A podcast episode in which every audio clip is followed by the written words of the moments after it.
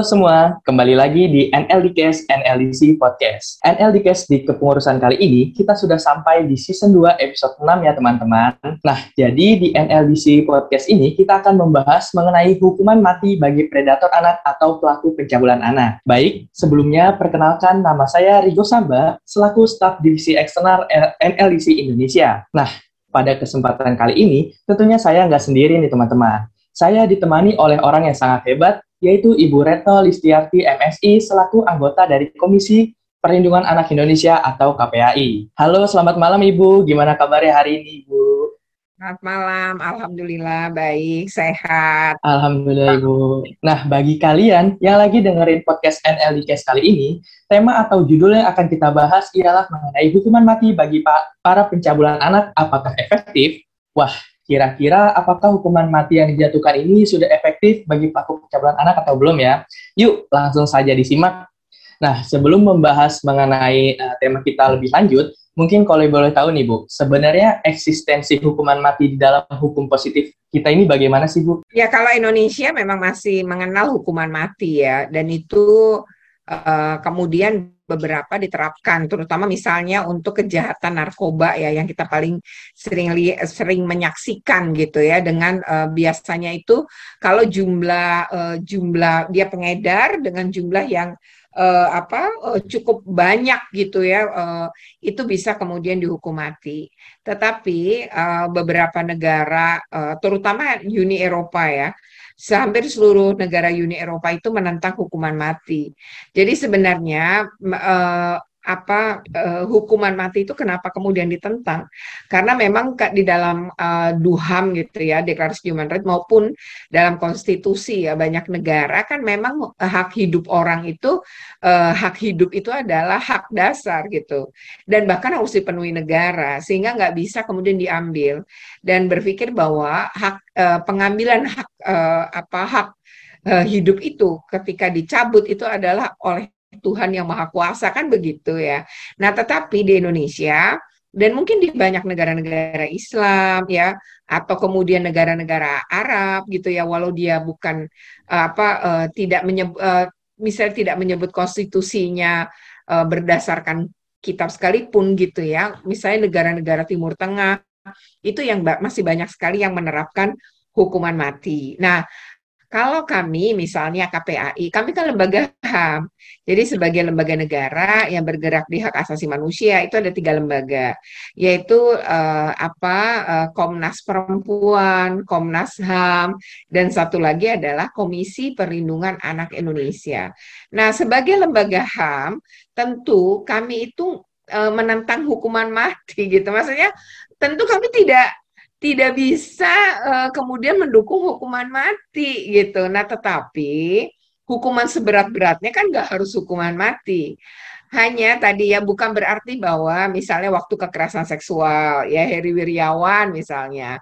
Kan kami yang lembaga HAM yang mungkin kami tidak menyetujui hukuman mati tapi lebih kepada hukuman seumur hidup itu bukan berarti bahwa kami menentang kekerasan seksualnya kan kami mengecam kekerasan seksual itu, kami menghujat yang sudah dilakukan. Tapi bahwa kemudian uh, pada saat itu kan pro kontra, dianggap Komnas HAM kok nggak setuju hukuman mati gitu. Seolah-olah kami yang nggak setuju ini adalah orang yang nggak punya ke apa ya, tidak memiliki uh, rasa apa kepedulian gitu rasanya sama uh, korban. Enggak, enggak seperti itu gitu. Kami lebih uh, sekarang misalnya Heri Yuan dihukum mati Lalu korban dapat apa? Korban bagaimana? Apakah korban mendapatkan keadilan yang layak? Apakah ketika dihukum mati terus selesai sudah gitu untuk korban juga puas misalnya merasa apakah keadilannya seperti itu gitu. Lalu bagaimana dengan hidup bayi yang sembilan anak dilahirkan? Kan 13 yang memper, eh, diperkosa. Gimana masa depan mereka? Mereka sendiri dari keluarga miskin. Nah, seperti apakah lebih kepada restitusinya tadi? Maka kami mendorong restitusi untuk korban. Kemudian juga pemulihan rehabilitasi itu menjadi satu hal yang penting, baik kepada korban, tapi bahwa kami juga mendorong Misalnya makanya uh, waktu itu ya di draft undang-undang TPKS yang sebelumnya itu kan kenapa kita mendorong untuk adanya rehabilitasi psikologi. Karena banyak kekerasan seksual itu terjadi atau dilakukan oleh pelaku karena masalah-masalah psikologi, masalah psikis. Sehingga dia harus disembuhkan kalau enggak dia ngulang-ngulang. Jadi kalaupun dia misalnya disuntik kebiri ya nggak pengaruh karena tidak dihormon tapi di masalah psikisnya sehingga perlu pengobatan atau rehabilitasi psikologi. Kalau di Eropa orang yang uh, masalah psikisnya belum sembuh padahal hukumannya udah selesai nggak boleh keluar loh dari penjara. Jadi hmm. tetap harus nyelesain dulu karena kalau tidak dia bisa mengulangi kesalahan yang sama. Demikian. Oh, oke okay, Bu. Berarti Ibu sendiri dari uh, sebagai anggota KPI itu sendiri uh, masih tidak mengamini ya Bu adanya hukuman mati uh, dalam hukum positif di Indonesia ya Bu karena ya yeah. tadi seperti yang Ibu sampaikan bahwa hak hidup adalah hak mutlak bagi seluruh masyarakat atau seluruh manusia gitu Bu. Nah uh, ya. dan kita tahu ya Bu bahwa saya dalam beberapa kasus pencabulan anak ini tuh juga diselesaikan secara non litigasi nih Bu seperti mediasi. Dan ketika saya pernah baca itu ada kasus di Pulau Gadung di Jakarta Timur itu berakhir dengan mediasi. Nah, bagaimana tanggapan Ibu uh, dengan adanya mediasi ini? Apakah menyelesaikan kasus atau belum gitu? Kami nggak menyetujui bahwa uh, perbuatan pidana terhadap anak diselesaikan dengan cara mediasi, apalagi pelakunya orang dewasa ya karena itu tidak akan pernah memberi efek jerah. Uh, terus juga kekerasan seksual, masa kekerasan seksual diselesaikan dengan mediasi damai nggak bisa. It, kalaupun kemudian antara pelaku dengan keluarga korban berdamai, polisi nggak boleh menghentikan kasus. Itu harus terus dilanjutkan karena ini bukan delik aduan. Ini adalah tindak pidana terhadap anak yang jelas diatur dalam peraturan perundangan. Jadi mau damai ke, mau ngasih uang ke, pada keluarga korban dan sebagainya, yaitu urusan antara pelaku dengan keluarga korban. Tapi negara harus menegakkan aturan. Negara harus melakukan penegakan hukum. Kalau semua kasus-kasus kekerasan seksual dapat dilakukan penyelesaian dengan cara damai, ya gimana mau berhenti? Penegakan hukum terjadi aja terus terjadi, apalagi kemudian didamaikan ini bisa terjadi ya uh, apa tidak ada efek jerak ya kepada pelaku. Kemudian akan menjadi presiden buruk dan ditiru nanti oleh para pelaku yang lain. Oh tenang aja masih bisa damai. Nah kalau orang itu kaya punya uang, oh dia sewenang-wenang ngelakuin nanti kan damai aja. Kalau menurut kami, kami menentang ya perbuatan eh, perbuatan perbuatan seperti itu tindak pidana kepada anak tidak bisa didamaikan. Ya apalagi kekerasan seksual itu sudah seharusnya terjadi penegakan hukum. Oke Bu, baik Bu. Jadi uh, menurut Ibu itu baik walaupun ada uh, upaya perdamaian dari keluarga korban ataupun dengan pelaku, itu tetap harus diproses secara hukum ya. Karena ketika saya sering membaca dan melihat itu sendiri justru dari pihak kepolisian itu sebagai mediator atau pihak penengahnya gitu Bu. Berarti yang dilakukan oleh kepolisian itu sejati itu salah ya Bu dalam hal untuk menyelesaikan suatu kasus pencabulan anak ini ya.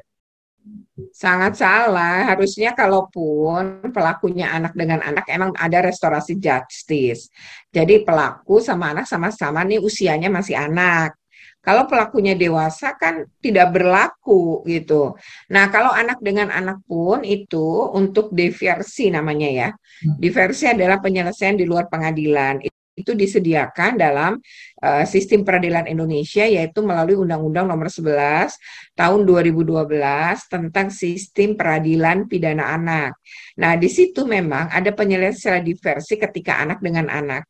Tapi diversi pun ada ketentuannya. Pertama, tuntutan hukumannya tidak boleh lebih dari tujuh tahun. Kalau harus di bawah tujuh tahun. Kedua adalah uh, itu uh, apa namanya perbuatan itu baru satu kali. Jadi selama ini belum pernah juga ada diversi untuk kasus dia. Jadi bukan perbuatan mengulang gitu. Jadi misalnya dulu pernah, sekarang dia ngelakuin lagi gitu dan minta diversi lagi. Nggak bisa itu berlaku. Dan yang ketiga adalah uh, diversi bisa terlaksana kalau keluarga korban mau. Kalau keluarga korban nggak mau, maka proses hukum harus tetap dijalankan. Nah, artinya sebenarnya kalau kami sih enggak ya, kalau kami ngelihat polisi-polisi sih sudah paham ya. saya nggak tahu yang dibaca oleh uh, apa oleh Rigo tuh di tahun berapa gitu. Karena kalau dari pengawasan kami sih umumnya poli yang nggak tahu juga kalau di pelosok-pelosok ya bisa mungkin saja terjadi. Tapi kalau dilaporkan ke apa apalagi eranya sekarang bisa viral lewat media sosial ya, itu sebenarnya kita uh, pasti bisa ditindak gitu. Jadi nggak boleh polisi mendamaikan. Mungkin ada ya, uh, tapi kalau itu kami tahu kita pasti akan dengan LPSK, Lembaga Perlindungan Saksi dan Korban, kita pasti akan turun dan uh, kita akan koordinasi juga dengan Kompolnas ya, uh, Komisi Polisi Nasional yang menjadi pengawas polisi untuk bertindak gitu ya bahwa ini ada kasus anak kok diselesaikannya pencabulan anak ataupun pemerkosaan anak kok diselesaikan dengan damai. Itu pasti kita akan uh, melakukan. Dan tapi saya tidak tidak apa tidak mengatakan bahwa ini ada praktek eh, juga gitu. Ya mau apa eh, bisa jadi gitu. Tapi kalau kami tahu ya KPI tahu nggak akan kita diemin sih gitu ya. Nah jadi kalau sepanjang pengawasan kami apalagi di level Polres dan Pol, di level Polda ya.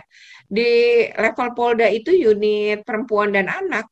Ngerti banget dengan konvensi hak anak dan undang-undang perlindungan anak undang-undang SPP prosesnya pun mereka betul-betul uh, apa uh, men, uh, di, disesuaikan dengan Undang-Undang uh, 11 2012 tentang SPPA tadi gitu. Jadi uh, kalau kemudian ada uh, tindakan penyelesaian damai atau dengan istilah diversi, diversi dan undang-undang kan sangat jelas ada ketentuan-ketentuan dan batasan ya. Oke Bu, baik Bu. Berarti uh, dari segi sistem kelembagaan sendiri itu sudah mengupayakan yang terbaik ya Bu untuk uh, menyelesaikan kasus ini tuh se adil-adilnya gitu Bu.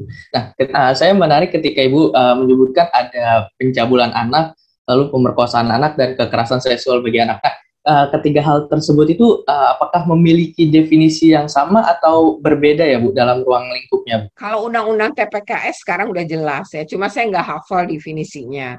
Yang pasti bahwa uh, dulu di konsep undang-undang TPKS itu pun sebenarnya kami mendorong adanya perbudakan ya perbudakan seks itu juga terjadi. Jadi uh, apa tidak pernah juga dijanjikan apa pun, diberikan apa pun gitu ya. Terus uh, apa misalkan janji dikasih pekerjaan ternyata jadi prostitusi gitu ya di, dijual gitu diperdagangkan. Kan itu juga banyak kasus seperti itu gitu. Tapi bahwa perbudakan seks itu adalah kategori juga misalnya dia diangkat sebagai apa anak-anak uh, miskin, kemudian ditempatkan dalam satu sekolah, kemudian di situ terjadi eksploitasi, misalnya dugaan-dugaan eksploitasi seperti eksploitasi ekonomi, eksploitasi seksual, ya tentu uh, apa uh, kita baru tahu kan kalau korban berani bersuara ya. Kalau kemudian korban tidak bersuara kan kita juga tidak pernah tahu apa yang terjadi. Nah, jadi memang untuk satu penegakan hukum tadi speak up itu penting. Makanya sekarang uh, portal pengaduan itu nggak tunggal ya. Banyak lembaga kemudian memberikan eh, nomor-nomor uh, kontak pengaduan, KPAI, KPAD, Dinas-Dinas Pemberdayaan Perempuan dan Perlindungan Anak, unit pemberdayaan kemudian UPT P2 TP2A, Kemendikbud juga memiliki portal pengaduan. Nah, ini menjadi penting gitu. Jadi kalau uh, kita uh, kemudian uh, menemukan gitu ya kasus-kasus uh, seperti itu kita bisa tindak. Nah, lalu kan nanti pakai pembuktian ya apakah tindakannya misalnya pencabulan, meraba-raba gitu ya seperti kasus misalnya di uh, apa yang baru baru saja nih ya terjadi di salah satu uh, SD ya. Itu kan dia di apa dipegang-pegang dadanya gitu ya. Kemudian yang di SMP itu kan sudah sampai pada uh, apa uh, lebih jauh dari itu yaitu uh, apa uh, pencabulan yang uh, apakah terjadi penetrasi atau tidak ya tergantung uh, bagaimana kemudian uh, korban bercerita. Nah masalahnya adalah anak-anak kita tuh kadang nggak tahu bahwa itu adalah pelecehan seksual. Dia baru sadari setelah dia besar juga itu banyak gitu ya. Jadi dulu dia mendapat perlakuan dari uh, gurunya waktu di SD, tapi dia nggak ngerti bahwa itu adalah pelecehan seksual. Dia juga nggak lapor, dia nggak ngomong, tapi ketika dia besar, dia baru sadar bahwa dia dulu tuh ngalamin. Oh, dan itu terkenang terus sebenarnya di dia karena perasaan tidak nyaman. Nah, jadi uh, betapa penting juga peran orang tua sebenarnya ngajarin anak-anaknya ada bagian di tubuhnya yang nggak boleh dilihat dan disentuh siapa pun kecuali dirinya sendiri. Kalaupun ada tindakan medis oleh dokter, itu pun harus ada pendamping. Apakah perawat, apakah orang tua. Jadi dokternya juga nggak boleh sendiri. Nah, itu adalah hal yang mesti ditanamkan gitu kepada anak-anak kita. Nah, jadi kalau kemudian ada definisi-definisi, kalau sekarang sebenarnya undang TPKS, TPKS menjadi jelas gitu ya. Apa saja, cuma uh, kalau nggak salah di draft yang terakhir tidak ada perbudakan seks ya. Tapi saya tidak tahu juga sih. Saya belum pernah juga ya nerima ini lengkapnya gitu ya. Jadi uh, dan saya juga bukan ahli hukum gitu ya. Tapi bahwa di Undang-Undang TPKS ini kan tidak ada pembebanan korban untuk membuktikan sendiri. Kalau yang sebelumnya kan korban kalau diperkosa dia harus bisa membuktikan bahwa dia diperkosa jadi dibebankan pada korban. Jadi korbannya mikir berulang kali kalau mau lapor tapi kalau sekarang kan tidak ya di undang-undang TPKS masalahnya undang-undang ini nggak bisa diperlakukan untuk kasus-kasus yang sekarang sedang berproses. Dia bisa kan tidak berlaku surut hukum. Jadi dia akan berlaku untuk yang yang setelahnya. Namun ya di situ ada ketentuan dalam, dalam peraturan peralihan yang menyebut bahwa undang-undang ini akan berlaku dua tahun setelah diundangkan. Tapi paling lama, kalimatnya tuh paling lama dua tahun setelah diundangkan. Kalau paling lama kan boleh enam bulan juga ya, kalau maksimal dua tahun gitu. Nah mudah-mudahan segera secepat mungkin sehingga aparat penegak hukum bisa menggunakan undang-undang itu dan mungkin dengan begini makin banyak korban yang bicara. Dan di undang-undang ini sebenarnya definisinya sudah sudah jelas ya kalau bentuknya adalah pencabulan apa, kalau yang menimpa anak-anak bagaimana.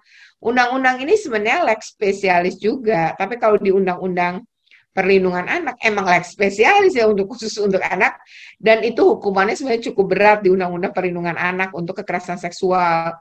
Karena 5 sampai 15 tahun diperberat sepertiga bahkan bisa ditambah hukuman kebiri. Nah, artinya memang udah cukup berat. Namun di Undang-Undang TPKS ini bagi perempuan yang bukan anak gitu ya, itu pun bisa hukumannya menjadi berat. Ini artinya dibanding KUHP yang dulu ya. Jadi artinya ini hal yang tentu patut disyukuri dan mudah-mudahan ini bisa menekan tadi ya angka kekerasan seksual. Yang sekarang kan orang mulai banyak muncul, mulai ngomong, mulai berani bicara, itu harus kita apresiasi ya kita dukung. Nggak usah dicurigain macam-macam gitu ya. Jangan kutuk nyabut. Kita semuanya mengecam gitu ya dengan cepat gitu.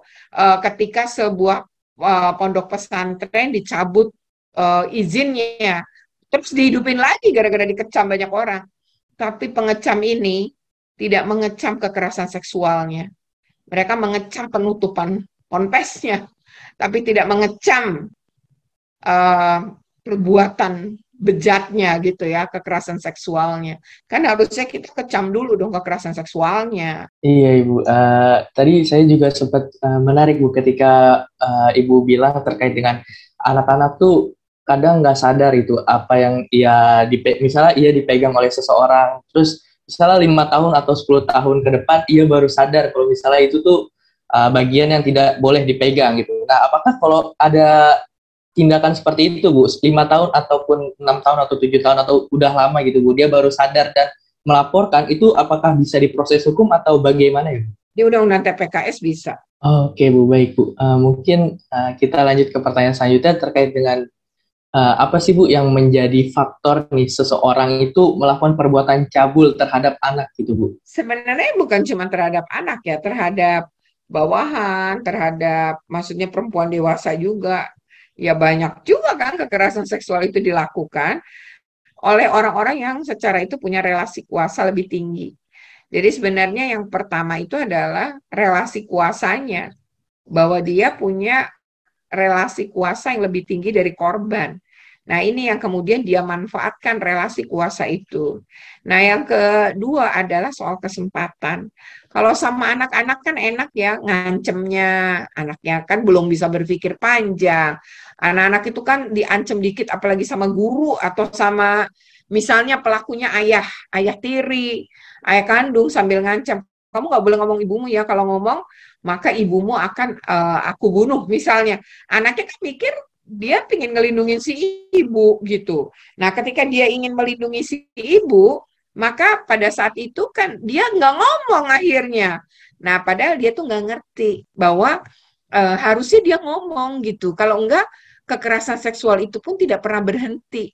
Dia akan, terus terjadi, kekerasan seksual itu akan terus dia alami, ya bahkan si pelaku akan meningkatkan. Jadi sebenarnya ini soal kesempatan. Jadi ini anak-anak gitu ya, eh, diancam-ancam gampang usia anak kan 0 18. Nah sebenarnya terhadap anak gitu, jadi belum tentu juga sih pelaku pedofil, belum tentu. Tetapi dia cuma punya kesempatan sama anak, nggak punya uang juga kali dia sama orang dewasa gitu ya. Lalu dia manfaatkan anak atas nama relasi kuasa, itu kan bejat ya, artinya nggak boleh kan perbuatan begitu. Jadi kita harus ajarin anak kita speak up. Kalau enggak, dia nggak berhenti jadi korban. Oh, Oke okay, Bu, baik Bu. Uh, berarti, nah bagaimana nih Bu? Pertanyaan selanjutnya adalah, uh, jika anak-anak itu merasa takut Bu, untuk melapor yang tadi Bu bilang kan, misalnya dia dikecam atau diancam oleh orang-orang yang memiliki relasi kuasa dan kesempatan itu. Nah, adakah cara gitu Bu, agar anak ini tuh uh, mau ngomong gitu Bu? Kadang kan ada perbedaan ketika, maaf, dalam arti ketika dia habis di, dilecehkan itu orang ataupun anak itu akan sering diam. Nah itu adakah cara orang tua ataupun cara kita nih Bu sebagai kakak untuk uh, mengajak uh, anak ini untuk berbicara gitu Bu? Sebenarnya anak itu gampang loh ngajak anak bicara. Kalau dia itu udah percaya kita, kita pernah nggak dengar gitu ya anak kemudian dia bicara, terus orang tuanya tuh nggak perhatiin juga nggak ada kontak mata, orang tuanya asik juga main handphone, padahal anaknya lagi cerita dia mengalami masalah di sekolah gitu. Akhirnya dia ngerasa bahwa dia nggak penting ngomong gitu, nggak ada gunanya gitu. Itu bisa jadi karena pengalaman seperti itu. Yang kedua adalah budaya kita ngelarang anak ngomong, udah nggak usah banyak ngomong, udah nggak usah ini seolah-olah anak tuh nggak berhak untuk berbicara gitu. Nah itu budaya-budaya itu harus dihilangkan. Kalau uh, tidak, maka ini yang diuntungkan adalah para pelaku kekerasan seksual. Kalau kita biarkan anak-anak kita tuh tidak terbiasa bicara. Yang ketiga adalah sistemnya harus dibangun soal pengaduan. Jadi bagaimana ketika pengaduan itu misalnya pelakunya pemimpin sekolah atau pemimpin apa pondok pesantren misalnya, pemimpin kepala sekolah misalnya.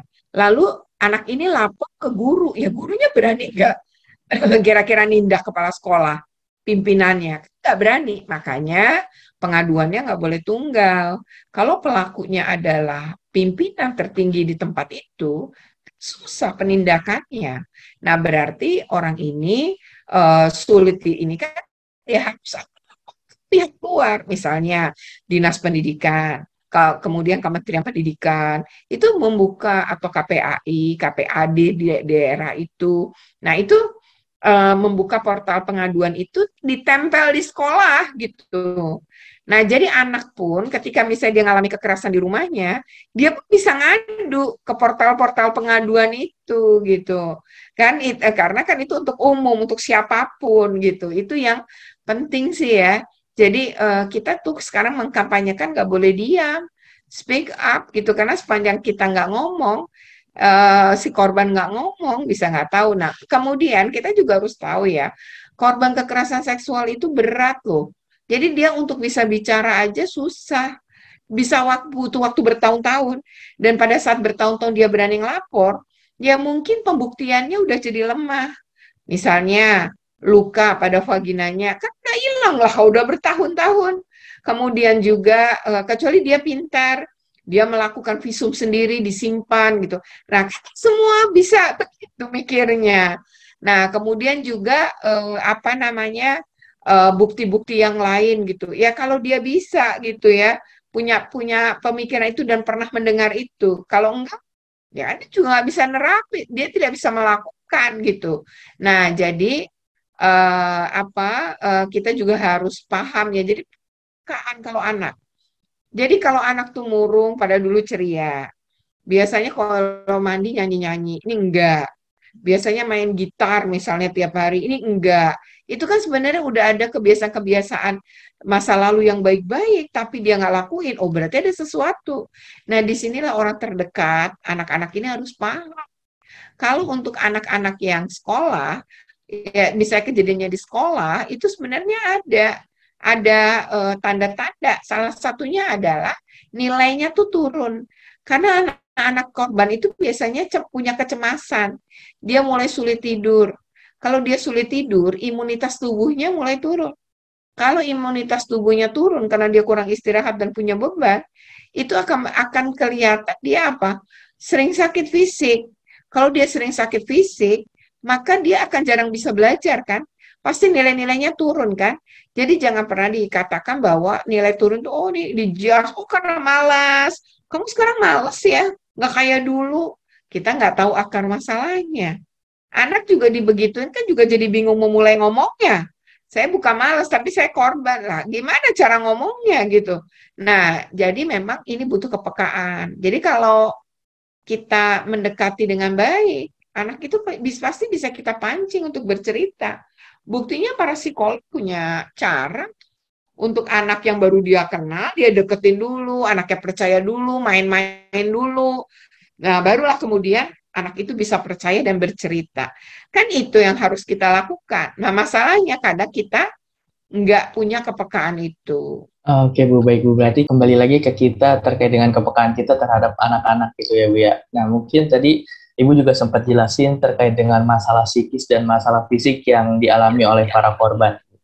Nah, uh, apakah dengan hukuman yang ada pada saat ini dan Ibu tadi sempat menolak ada hukuman mati, itu uh, dalam pengimplementasiannya itu apakah lebih terjamin Bu dalam hal keadilan Bu? Mengingat para korban ini pun ternyata masalah fisik dan psikisnya ini kan enggak kayak setahun ataupun dua tahun selesai gitu. Akan tetapi kan akan diingat selamanya. Dan apakah dengan tidak menerapkan hukuman mati ini dapat menjadi jawaban Bu? Seperti itu Bu. Pertanyaan yang sama, emang kalau nerapin hukuman mati terus menghentikan juga? Kira-kira menghentikan nggak? Ya, Menjamin tapi kan nggak uh, akan berhenti uh, apakah uh, nggak juga nggak ngejamin juga gitu jadi kalau nggak ngejamin udah ngelanggar ham nggak ngejamin terus apakah kemudian itu yang diinginkan korban kita nggak pernah nanya gitu malah kan kalau dia dihukum lama yang penting tuh dia berat dihukum berat lama aja tuh dia di penjara gitu. Jangan kurangi hukumannya. Nggak ada remisi gitu bagi pelaku kekerasan seksual terhadap anak. Itu yang harus kita lakuin gitu loh. Bukan kemudian dia kalau udah mati enak loh. Habis mati dia udah nggak punya beban. Coba kalau dia hidup di penjara dan pemerkosa itu dia bisa aja tuh di uh, apa oleh oleh narapidana daripada yang lain dia bisa di dibikin nggak bahagia juga gitu loh. Daripada dia terus selesai gitu. Terus korban juga nggak dapat apa-apa gitu loh. Saya bukan karena hukuman mati yang bikin orang kemudian tidak memperkosa orang lain gitu. Tapi bahwa sistem keamanan, sistem pengaduan, sistem pencegahan, sistem perlindungan itu yang lemah gitu. Yang kedua adalah penegakan hukumnya. Hukum bersumber-sumbernya orang-orang kayak gitu gitu. Ya kayak misalnya baru-baru ini Pengadilan Negeri Kudus untuk kasus 8 anak yang dicabuli Ustadz, itu kan kena 18 tahun si eh, pelaku. Nah, jadi hukum seperti itu gitu. Kemudian juga eh, apa namanya? Eh, beberapa kasus ya hukumannya itu betul-betul maksimal di, di, dijatuhkan oleh hakim. Kadang kan hakim bahkan hakim itu ada beberapa hakim menambahkan loh, nggak diminta jaksa, tapi dia menambahkan penghukuman hukuman tambahan gitu. Jadi menurut saya juga penting hakim-hakim yang mengerti tentang anak gitu. Jadi hakim anak nih, jadi kasus hakim-hakim kasus anak ini harus orang-orang yang paham tentang konvensi hak anak gitu. Jadi menurut saya berhenti atau tidaknya kekerasan seksual ini bukan karena hukuman matinya, bukan itu efek jeraknya gitu. Tapi bagaimana ya dan enak betul dia habis ngelakuin itu terus dia mati gitu. Ya, selesai seolah-olah kan semua urusan dia padahal ada sembilan anak, ada 13 anak yang diperkosa, sembilan bayi yang lahir gitu ya. Ini uh, apa uh, seperti apa nasibnya kita akan kita menolak ya segala bentuk kekerasan. Kita juga menolak ya hal-hal yang kemudian perlakuan-perlakuan terhadap anak seperti kasus-kasus yang sekarang terjadi yang banyak muncul dan mulai dilaporkan dan terjadi di lembaga-lembaga pendidikan. Dan pelakunya juga yang sebenarnya adalah uh, apa uh, orang-orang yang uh, harusnya itu menjadi pelindung bagi anak-anak gitu. Jadi wajar mereka dihukum seberat-beratnya. Jadi hukuman seberat-beratnya itu kan bukan berarti hukuman uh, hukuman mati gitu ya. Nah, kalau kami lembaga HAM terus kami setuju hukuman mati ya kan aneh gitu. Ya tentu kami tetap tidak akan menyetujui hukuman mati justru atas dasar hak asasi dan kami bukan berarti uh, tidak setuju hukuman mati, terus kami ini nggak peduli atau tidak punya empati pada korban. Lalu kami tidak mendorong agar semua ini berhenti. Ya enggak gitu. Nah, termasuk misalnya korban itu pun kan bisa direhabilit eh, apa pelaku pun bisa direhabilitasi psikologinya agar waktu dia keluar nanti dia tidak mengulangin. Begitupun korban, apalagi korban. Jadi korban ini ya eh, ketika misalnya nih untuk beberapa kasus pelakunya keluarganya sendiri. Ketika kemudian mau bebas nih, takutan juga dia gitu. Bisa jadi kan ada pembalasan dendam. Nah ini bagaimana nyelesain-nyelesain yang kayak gini. Jadi misalnya dihukum 15 tahun. Tapi begitu mau keluar nih, anaknya eh, si anak ini udah bukan anak-anak, udah dewasa mungkin juga sudah menikah, tapi dia tetap dapat ancaman. Nah ini gimana? Negara harus hadir, nggak selesai di situ untuk kasus-kasus misalnya kekerasan seksual. Jadi kita semua harusnya punya empati dan berusaha ngelindungin korban. Dan sekarang itu ada lembaga-lembaga yang cukup banyak, ya NGO-NGO yang sangat peduli terhadap ini. Jadi kan penting ya kita kemudian jangan sampai juga setelah pelakunya lepas, karena masih keluarga nih ya, otomatis ketemu ya, misalnya pelakunya paman, misalnya, nah kan ketemu juga gitu. Setelah keluar dari penjara, kemudian misalnya di penjara, pamannya tuh ngancem-ngancem si korban nih gitu. Nah, terus dia misalnya, oh dia kena hukuman uh, eh, 8 tahun.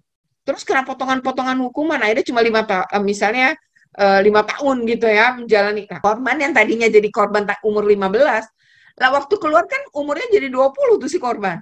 Kan juga masih berada di lingkungan keluarga. Ini gimana? Itu yang harus kita pikirin. Dan yang lebih utama soal restitusi.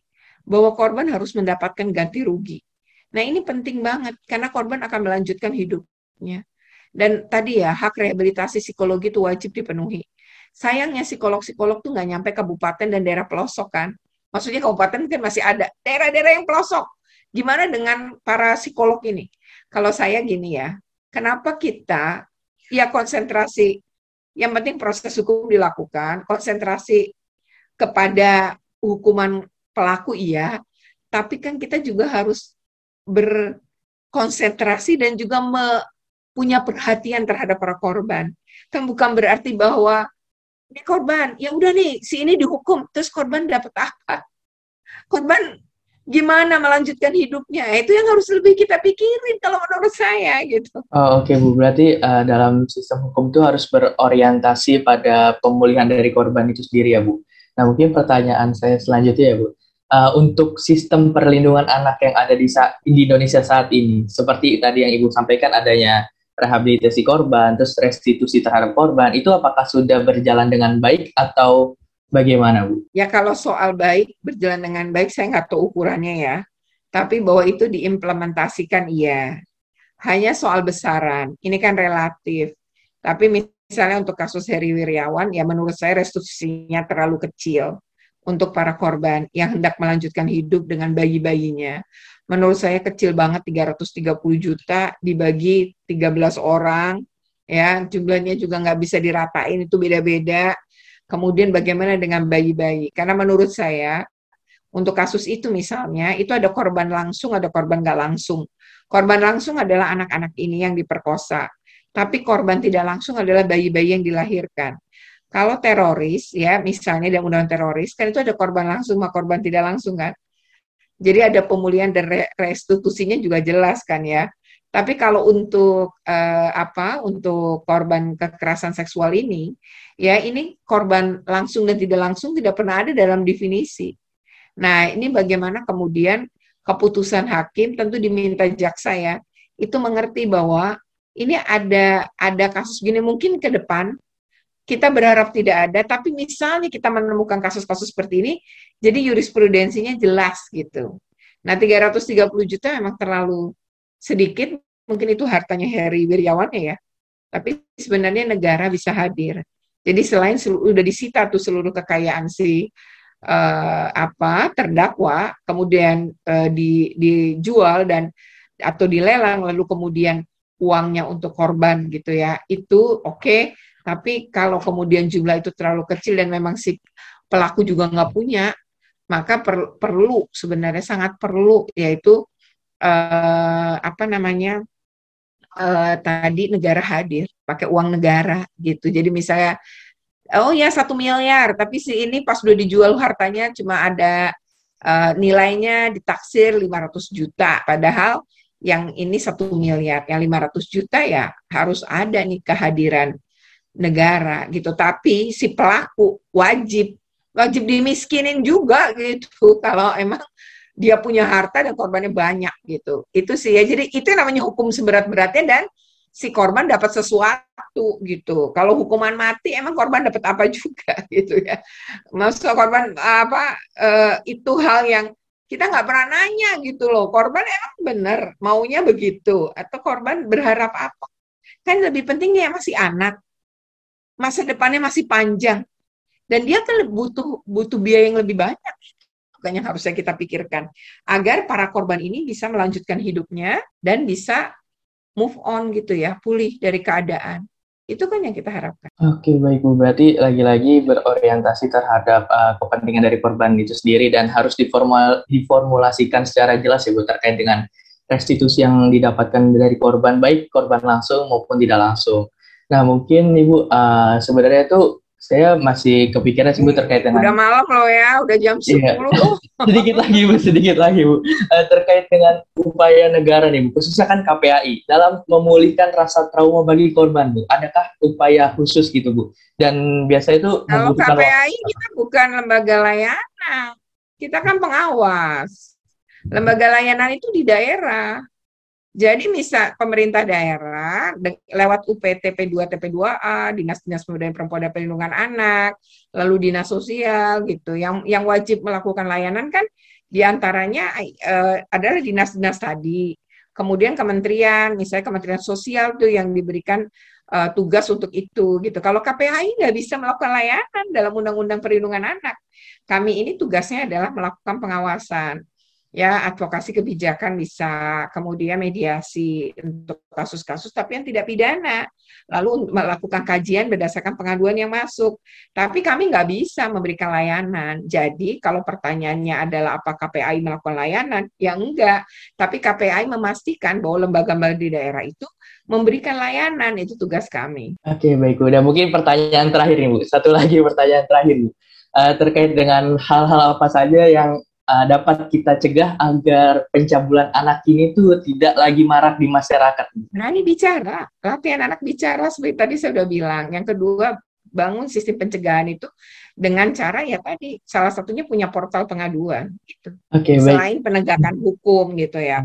Penegakan hukum ya pasti, tapi kan mencegah lebih baik daripada mengobati. Oke Ibu, mungkin tadi adalah pertanyaan terakhir. Terima kasih banyak Ibu Retno Listiarti MSI karena telah menyempatkan waktu dan mau berbagi cerita ke kami semua tentang hal-hal yang menarik, seru dan pastinya luar biasa dalam hal isu hukum yang berkaitan dengan judul kita pada hari ini, yakni hukuman mati bagi pencabulan anak. Apakah efektif? Nah, bagi kalian yang juga penasaran mengenai isu-isu hukum lain dan pembahasan seputar debat hukum, bisa langsung cek sosial media kami ya, bisa di Instagram, LinkedIn, dan beberapa sosial media lainnya dengan nama NLC Indonesia. Teman-teman juga jangan lupa buat mantengin podcast kita, karena setiap bulannya akan ada podcast-podcast yang gak kalah menarik. Jadi stay tune ya, see you in the next episode. Terima kasih.